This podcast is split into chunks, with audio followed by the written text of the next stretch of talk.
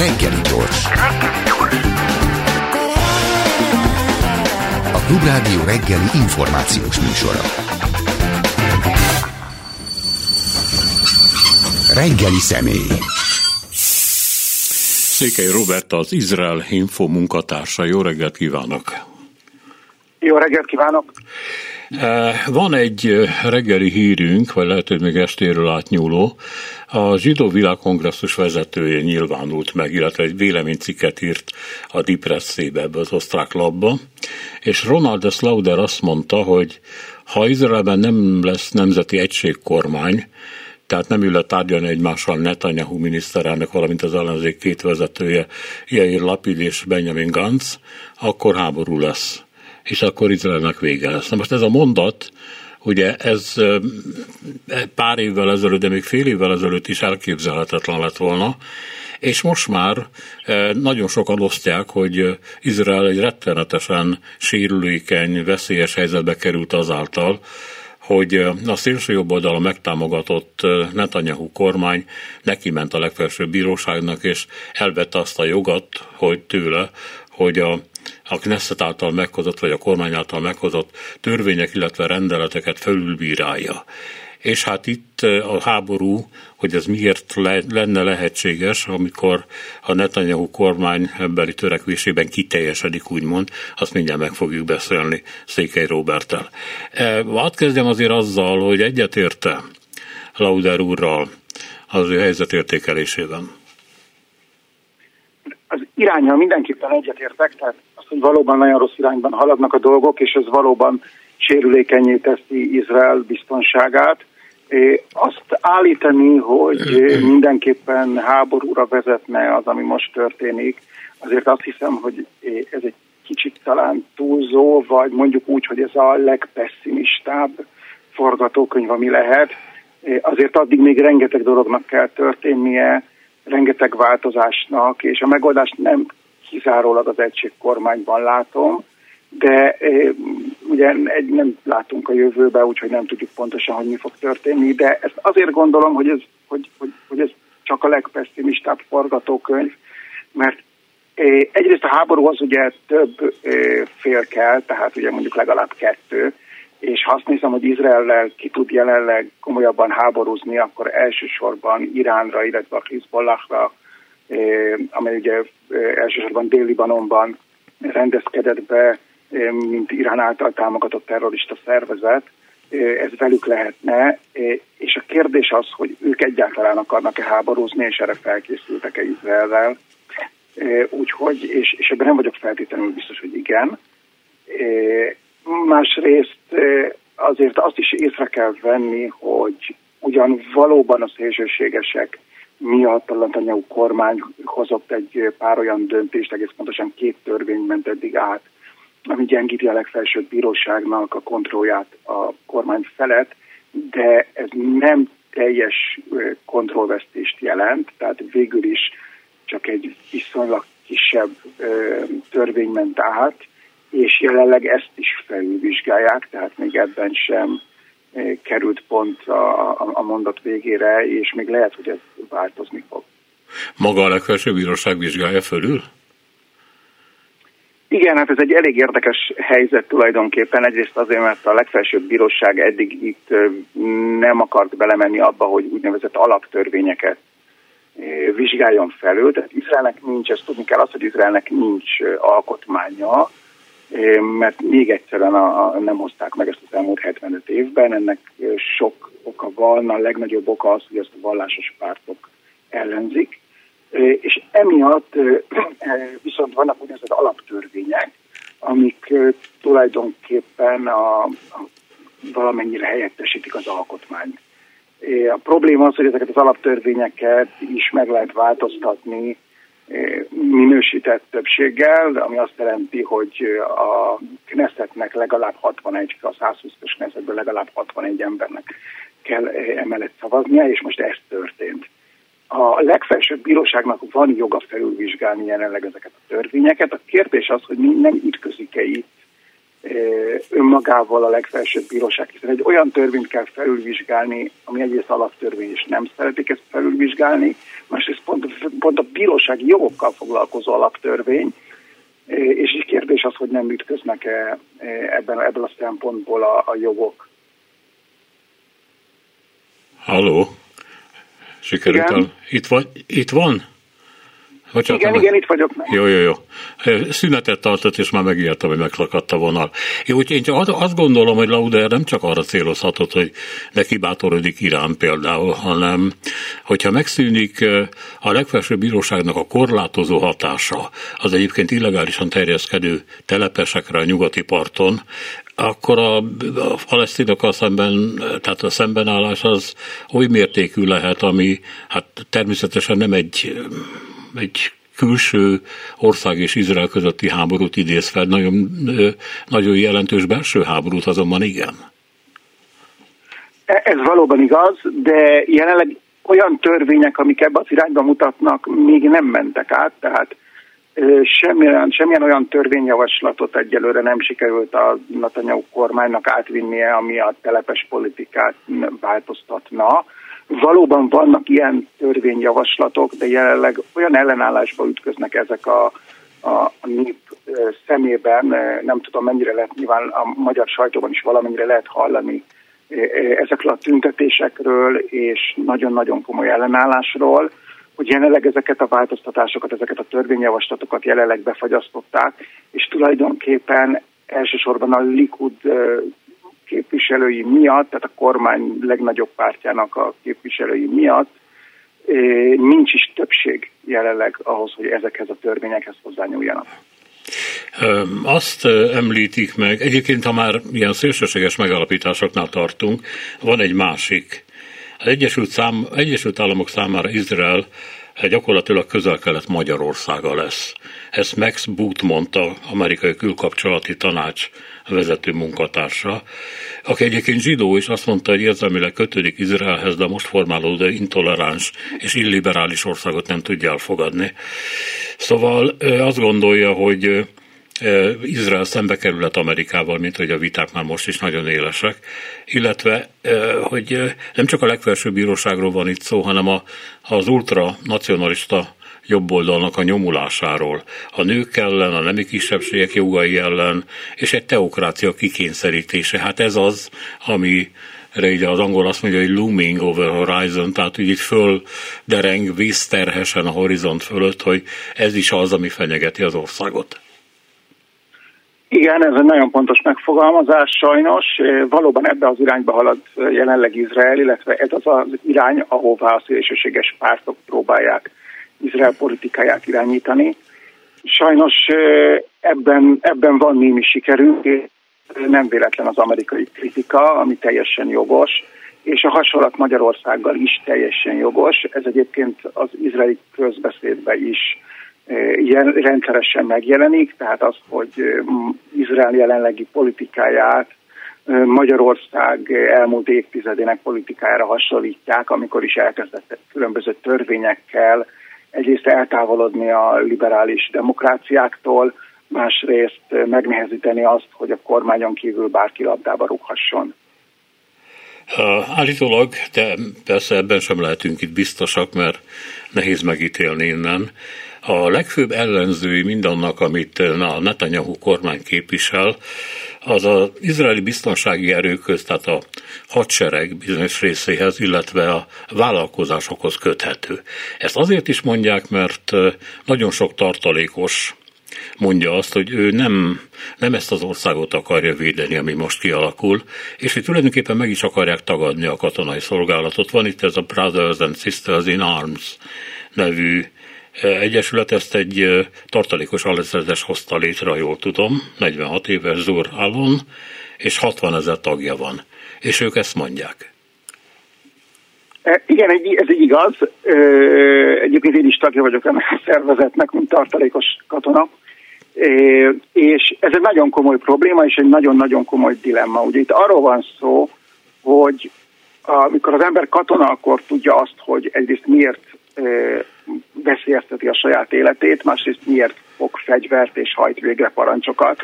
És amennyiben egy olyan kormány ad parancsokat, egy olyan vezetés ad parancsokat, ahol a parancsok maguk ellent mondanak az alapvető demokratikus állami berendezkedésnek és a, a, a demokratikus elveknek, akkor bizonyos szempontból nem csak, hogy megtagadhatók ezek a parancsok, hanem meg kell ezeket a parancsokat tagadni, még az izraeli katonai törvények alapján is. Most azért egy picit ketté választjuk a dolgot. É, elsősorban é, jelenleg nem az, a, a, az aktív katonai szolgálatban, é, sőt, még csak nem is az aktív tartalékos szolgálatban kezdtek, kezdődött meg ez az ellenállás, hanem azoknál a tartalékosoknál, akik már elvileg koruknál fogva megkaphatnák az opsitot, tehát már nem kellene, hogy tovább szolgáljanak tartalékos katonaként sem. Ez a katonáknál a 40-42 éves kort jelenti, tiszteknél a 45 éves kort, de nagyon-nagyon sokan ezután a kor után is tovább szolgálnak önkéntesként. Na most az önkéntességről való lemondás, ugye az nem egy parancs megtagadás, hiszen önkéntességet nem lehet megtagadni. Ez egy olyan dolog, hogy az ember egyszerűen csak nem csinálja tovább. És jelenleg a legnagyobb számban ellenállók azok elsősorban ebből a rétegből kerül ki, és nem az aktív a katonai korban mhm. lévő tartalékosokból vagy, vagy sorkatonákból. Mi a helyzet a vállalkozókkal? Van egy olyan vélemény, idézek folyton, mert hiszen természetesen én nem vagyok ott, és nem tudom ellenőrizni, hogy mi az, amit nem látom, és nem tudom ellenőrizni, amit látok, ezt jól, jól látom-e. Tehát, hogy Izrael egy rendkívül elmaradott ország lesz, figyelmeztetnek állítólag a közgazdászok. A tervezett változások folyán, folyamán a lakói nagy része képtelen lesz megfelelni a kor követelményeinek, és hát ez nagyon keményen fogja sújtani az izraeli gazdaságot. Mm, ez, ez nekem, ez hangzik eddig a legvadabbul, de ha van benne valami igazság, akkor mondja meg. E, sajnos ebben van igazság, e, méghozzá két különböző oldalról, rövid és hosszú távú probléma. A rövid távú probléma az az, hogy eh, Izrael gazdasága jelenleg nagy részben az informatikára, illetve a high-techre épül. Ez a nagy rész ez, nagy, ez azt jelenti, hogy Izrael exportjának az 52%-a, illetve a GDP-nek a 25%-a, 25%-át eh, adja az informatika és a high-tech eh, export, illetve a szolgáltatások. Na most ezek nagy része külföldi, elsősorban amerikai befektetésekre épül, hiszen Izrael, mint viszonylag köztudott, leginkább startup cégekben nagyon-nagyon erős, és ezek ugye befektetésekre épülnek. Na most, ha meggyengül a bíróságoknak a függetlensége, akkor befektetők általában nagyon nem szeretnek ilyen helyre befektetni, és elviszik a pénzüket olyan helyekre, ahol, ahol biztonságban tudják.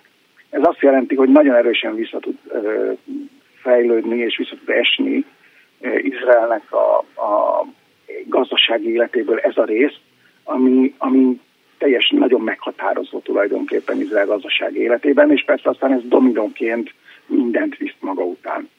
A hosszabb távú probléma az az ultraortodox lakosságnak a, a problémája, ez amivel az előző kormány megpróbált felvenni a harcot, és a mostani kormány újra visszatért, és még szélsőségesebben próbálja támogatni azt, hogy az ultraortodoxok nem tanulnak tulajdonképpen semmilyen világi tanulmányokat, ami elsősorban azt jelenti, hogy nincs matematika oktatás, nincs biológia, kémia, fizika, angol oktatás, ami azt jelenti, hogy ezek a nemzedékek úgy nőnek föl, hogy mikor kikerülnek 18 éves korukban az iskolából, akkor lényegében esélyük sincs arra, hogy részt vegyenek Izrael gazdaság életébe, és olyan munkát tudjanak, valamiféle termelő vagy, vagy kutató munkát, fejlesztői munkát tudjanak vállalni.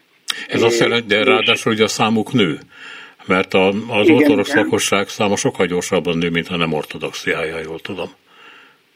Igen, pontosan ez a nagy probléma, tehát az előjelzések alapján olyan 2030 körül az első osztályba, első osztályt kezdő gyerekeknek a fele lesz körülbelül ultraortodox, ha a jelenlegi folyamatok fognak továbbra is zajlani.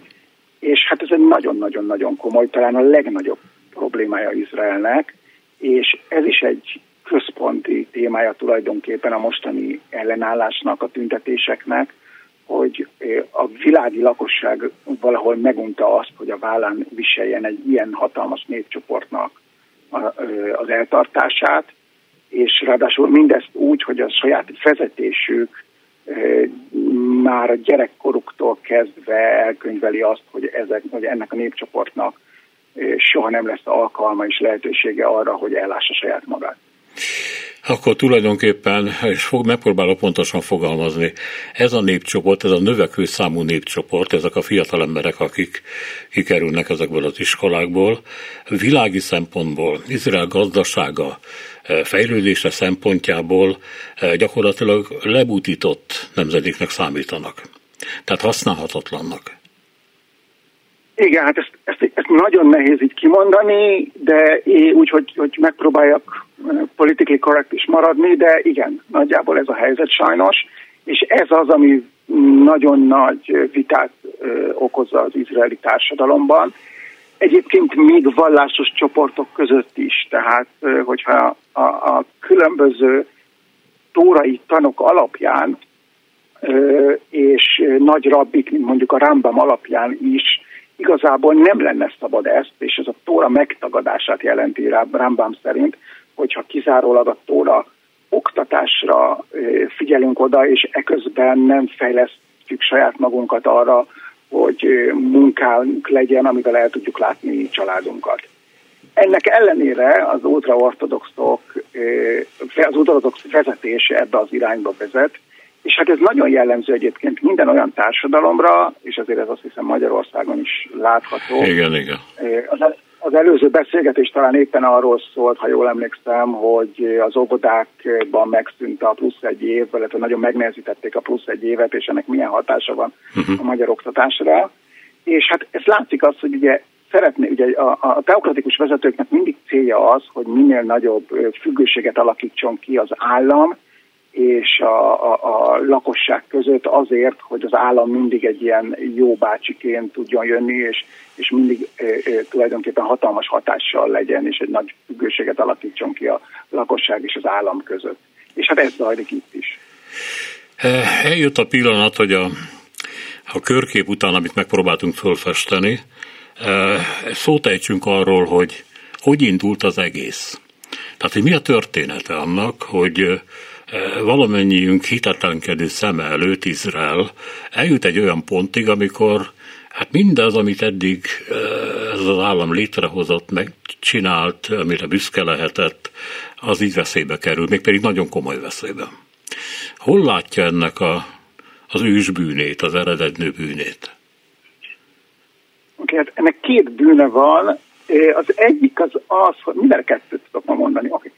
Az egyik az az, hogy még Ben Gurion idejében, tehát Izrael első miniszterelnöke kötött egy, egy ilyen szerződést mondjuk így a, az akkori ortodox vezetéssel, hogy megengedje azt, hogy azok az ortodox jesivában tanuló diákok, akik, akik életüket a tóra tanulásra akarják, a tóra tanulásnak akarják szentelni, azoknak ne kelljen katonaságba vonulni.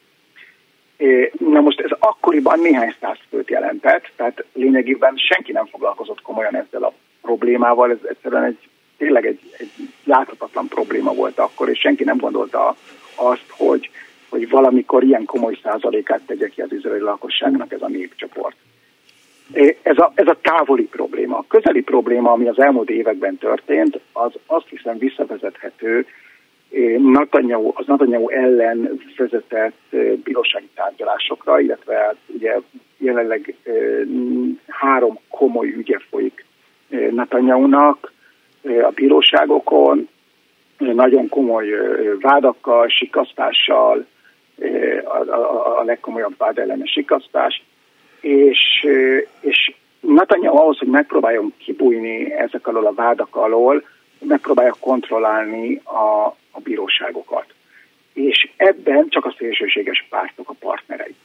És mivel ebben csak a szélsőséges pártok a partnerei, ezért ezekkel a pártokkal kötött most először koalíciót. Tehát ezek a nagyon szélsőséges, ultranacionalista pártok eddig nem voltak soha kormánykoalíción, és nem voltak ilyen erősek, és nem tudták sakban tartani a kormányt. Most pedig ez történik, és lényegében olyan változásokat enged át Netanyahu, olyan törvényjavaslatokat enged át, és olyan irányokat, amikben még maga a Likud párt sem, ami, ami korábban egy jobboldali liberális párt volt, és, és hát most a, a tárgyalások miatt, a tárgyalásai miatt, illetve a személyes problémái miatt ezekkel a pártokkal működik együtt, és teljesen sarokba szorították ezek az erők.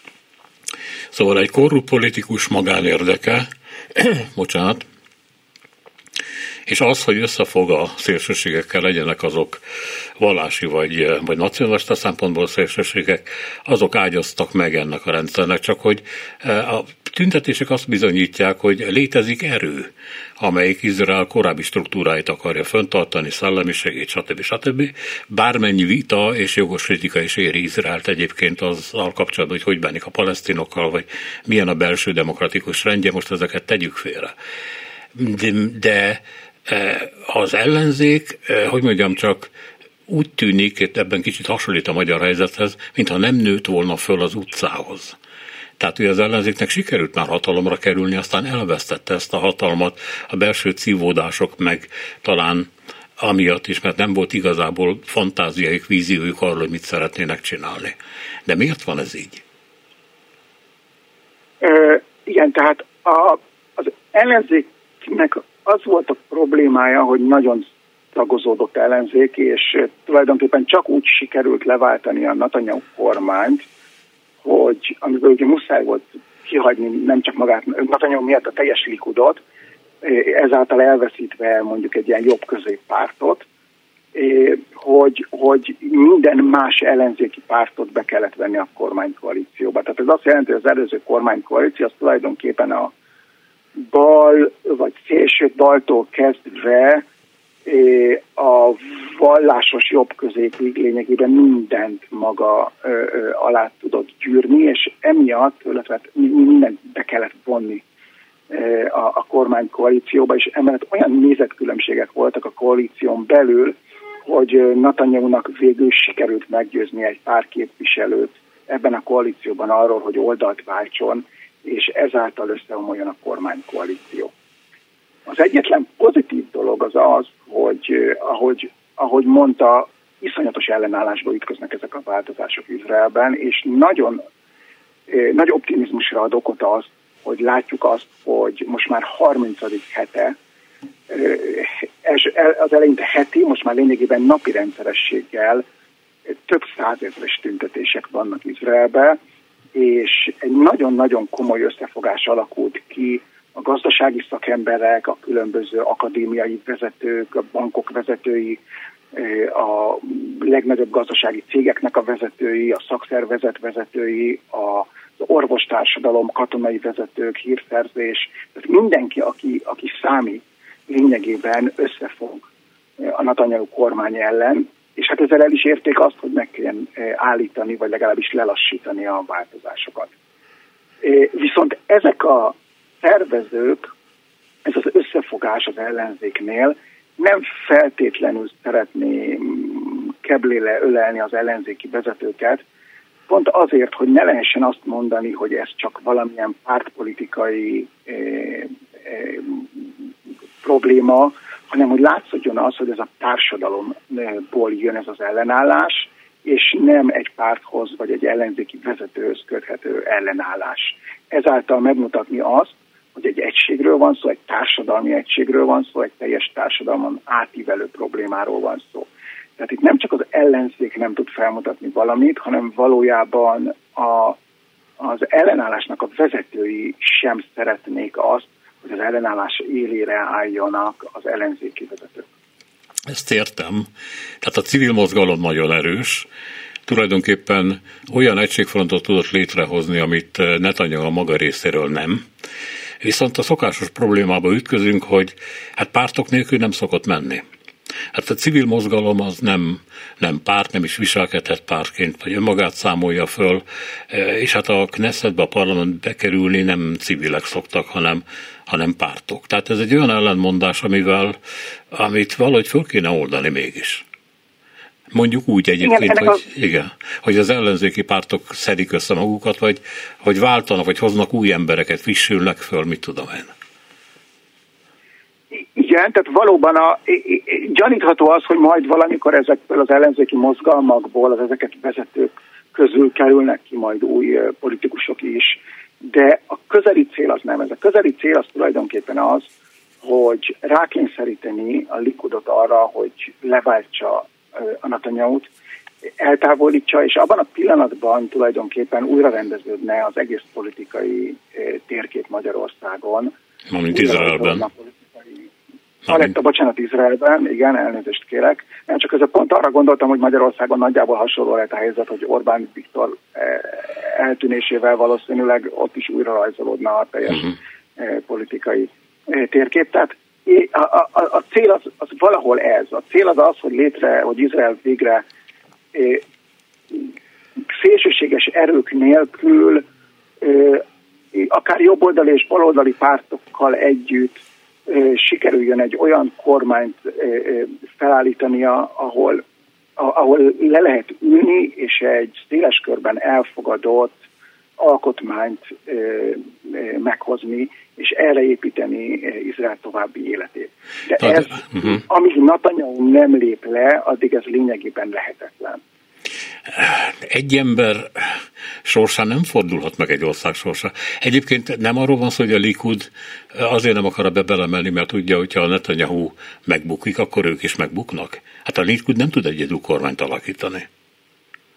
Nem, a Likud nem tud egyedül kormányt alapítani, de azért még ma is a ö, legnépszerűbb pár, első-második volt, volt versenyben mondjuk a legnépszerűbb párt Izraelben, és azért van egy jó pár olyan vezető ott, akik, akiknek sikerülhetne a Likudot újra visszaterelni egy ilyen jobb középpártnak. Ugye most elkezdett elég szélsőséges irányba menni maga a Likud is, nem csak az, hogy szélsőségessel kell koalíciót, de sikerülhetne visszaterelni. Tehát igény van rá a társadalomban arra, hogy legyen egy jobb közép, egy, egy jobb közép liberális párt. Erre igény van és, és emiatt van kereslet, és emiatt van megfelelő szavazóbázis. A kérdés az, hogy, hogy ki lenne ez a vezető, illetve az első kérdés az, hogy, hogy meg lehet-e találni azt a négy-öt képviselőt, ennyire lenne szükség a Likudon belül, a most 35 fős, ha nem tévedek, Likud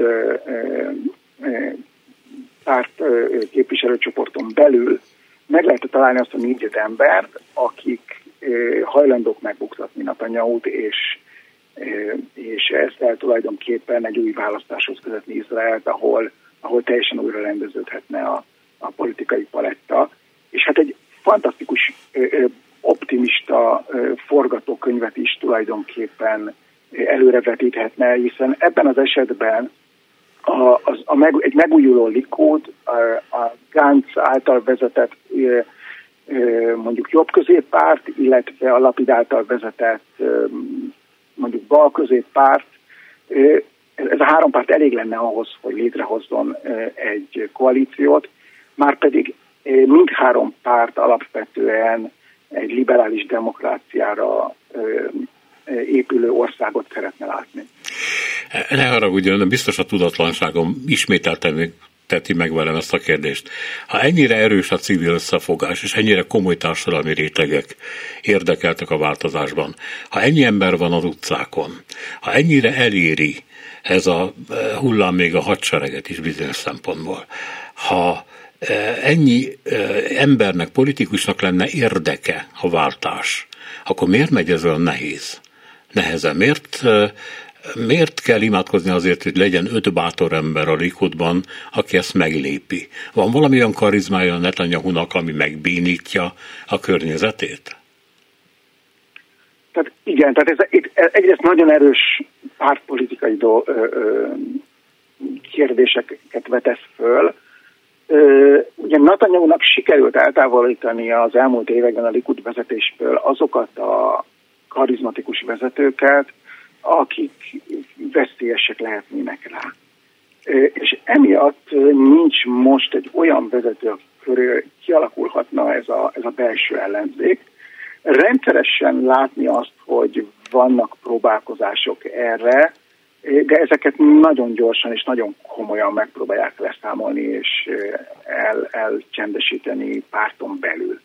A másik dolog az, hogy Netanyahu önmagában ugye, tehát hogy tudja azt, hogy abban a pillanatban, ahogy megbukik, abban a pillanatban a harca a, a bírósági tárgyalásokon hát egy igen nagy veszélybe kerül, és egyáltalán nem biztos, hogy meg fog tudni úszni egy, egy börtönt, míg vezető politikusként nyilvánvalóan erre sokkal nagyobb az esélye.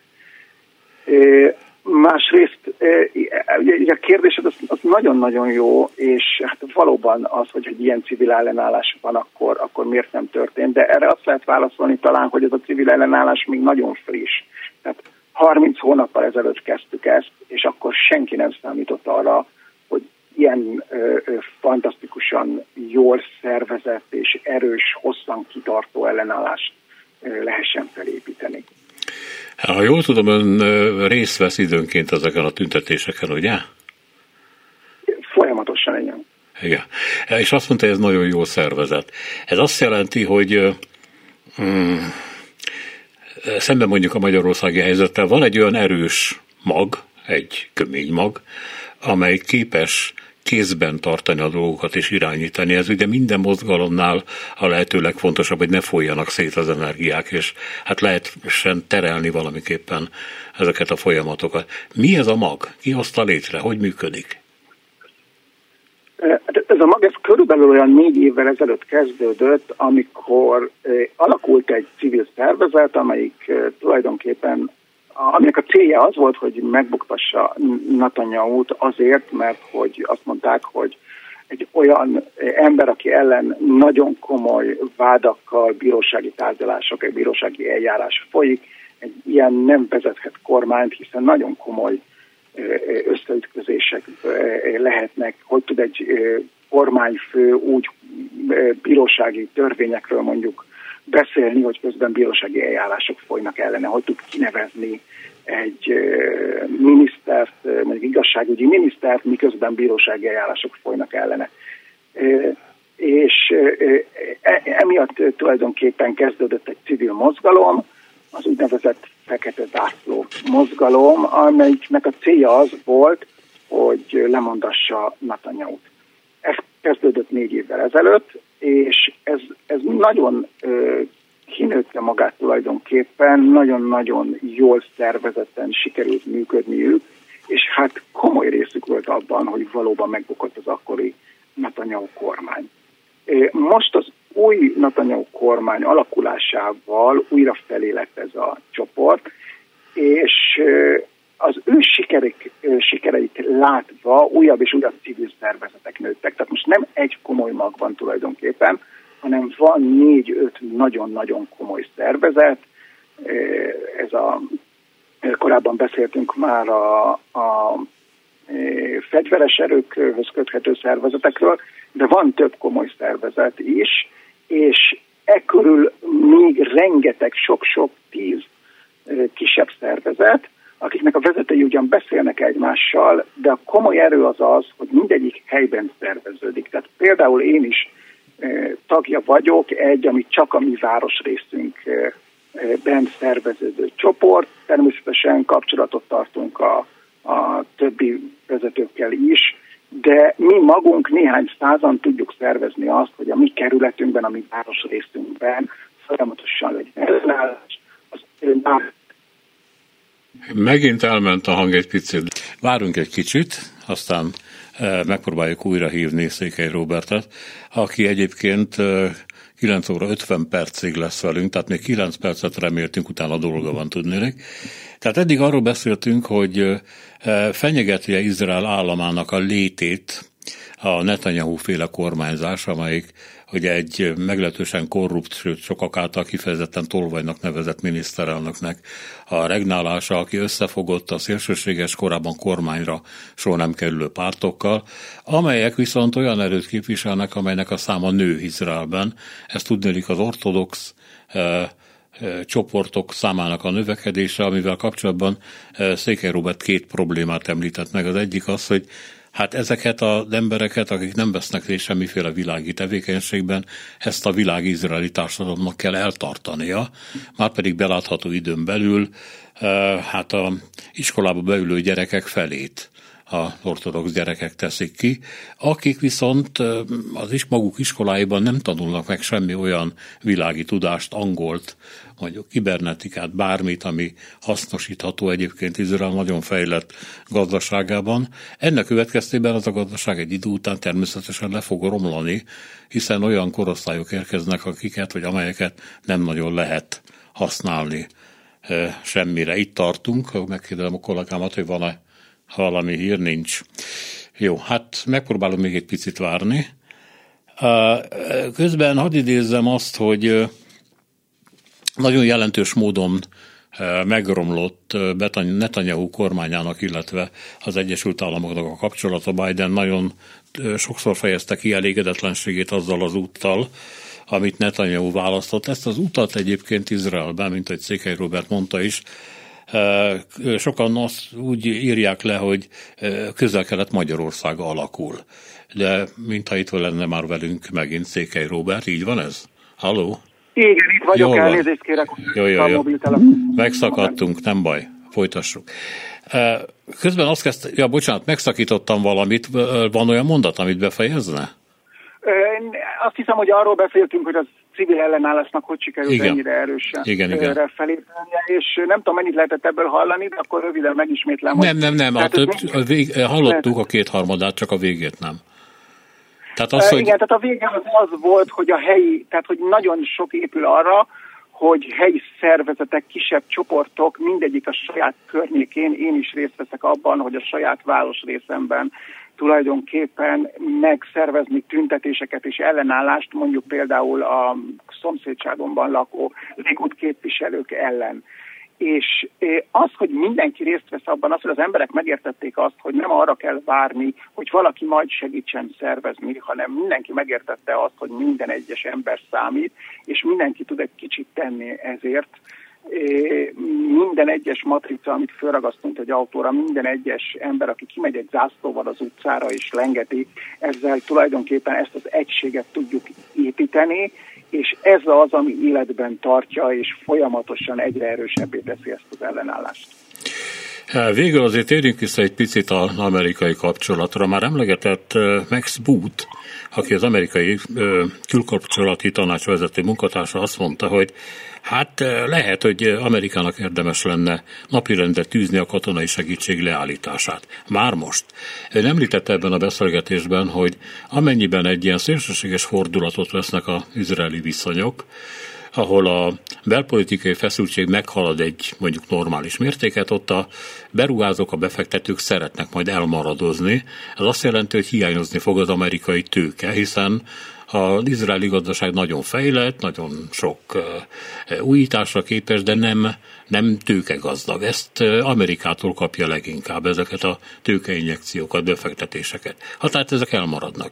Ha elmarad a katonai segítség, az ország olyan helyzetbe kerül, mint még soha. Ez így igaz, de én azt hiszem, hogy jelenlegi helyzetben ez inkább csak egy fenyegetés és egy politikai nyomás gyakorlása a Netanyahu kormányra, tehát azért nagyon el, nagy elhúzódó problémának kellene ahhoz lennie, hogy valóban leállítsák a, a katonai programokat, Elsősorban ugye itt, itt nagyon sok éves szerződésekről van szó, tehát nem feltétlen az egyik napról másikra megváltoztatható és leállítható szerződésekről.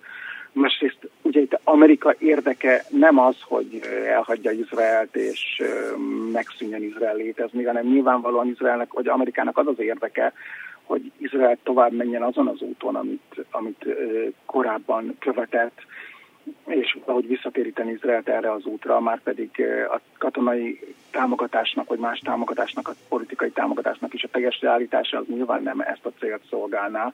Ezért én nem gondolom azt, hogy ez egy közvetlen veszély, ez inkább előrevetíti azt, hogy mi, történik, mi történhetne akkor, hogyha hogyha nem sikerülne megállítani ezeket a politikai folyamatokat Izraelben. Végül személyesen mi a benyomása, véleménye jóslata, hogy mi következik most. Tehát valami, ha jól értettem, a némi padhelyzet most ebben a pillanatban, ugye több ilyen netanyagú program leállt, vagy jegelve van, legfelsőbb bíróság még vizsgálódik, stb. Mi várható? Hát azt hiszem, hogy a legnagyobb kérdés az az, hogy mennyire sikerül Netanyahu-nak a, szélsőség, a legszélsőségesebb erőket kontrollálnia a kormányán belül. Ha sikerül őket valamennyire kontrollálni, akkor, akkor annyi történhet, hogy valóban leállnak ezek a törvényváltoztatások, megindítanak egy ilyen konszenzusra alapuló tárgyalásokat az ellenzék bevonásával arra, hogy hogy lehetne valóban az alaptörvényeket úgy megváltoztatni, hogy mindenkit kielégítsen, vagy nagyjából egy ilyen konszenzusos megoldásra jutni. És, és ez nem lenne feltétlenül egy, egy rossz irány, talán nem a számomra legkedvezőbb, de, de, de egy elfogadható irány lenne hogy nyilván születhetnének olyan törvények is, amik mondjuk kevésbé illenek bele a liberális demokráciában, de azért nem nagyon szélsőségesek. A másik lehetőség az, hogyha nem sikerül ezeket leállítani, és akkor valamilyen törésponthoz fogunk eljutni, és, valami, és, és fel fog robbanni ez a helyzet, ami lehet mint korábban említettem, ami lehet azáltal, hogy sikerül néhány Likud képviselőt meggyőzni arról, megdöntsék a jelenlegi Likud kormányt, és egy új választásokon minden bizonyal veszítene a jobb oldal, legalábbis a mai ma minden felmérés ezt mutatná, hogy sikerülne újra egy bal középkormányt, vagy valamilyen középkormányt létrehozni. De hát föl lehet vázolni természetesen ilyen nagyon szélsőséges szenáriókat is, ami szerint mondjuk majd valamilyen polgárháború fog kitörni. Vannak olyanok, akik, akik ilyen sötét jövőt is vizionálnak, de én azért remélem azt, hogy, a, hogy az első két opcióból valamelyik fog bekövetkezni. Köszönöm szépen, hogy itt volt velünk. Minden jót. Hát, nagyon szépen köszönöm, további kellemes reggelt mindenkinek. Viszont Székely Robertet hallották az Izrael Info munkatársát. Reggeli gyors, nem marad le semmiről.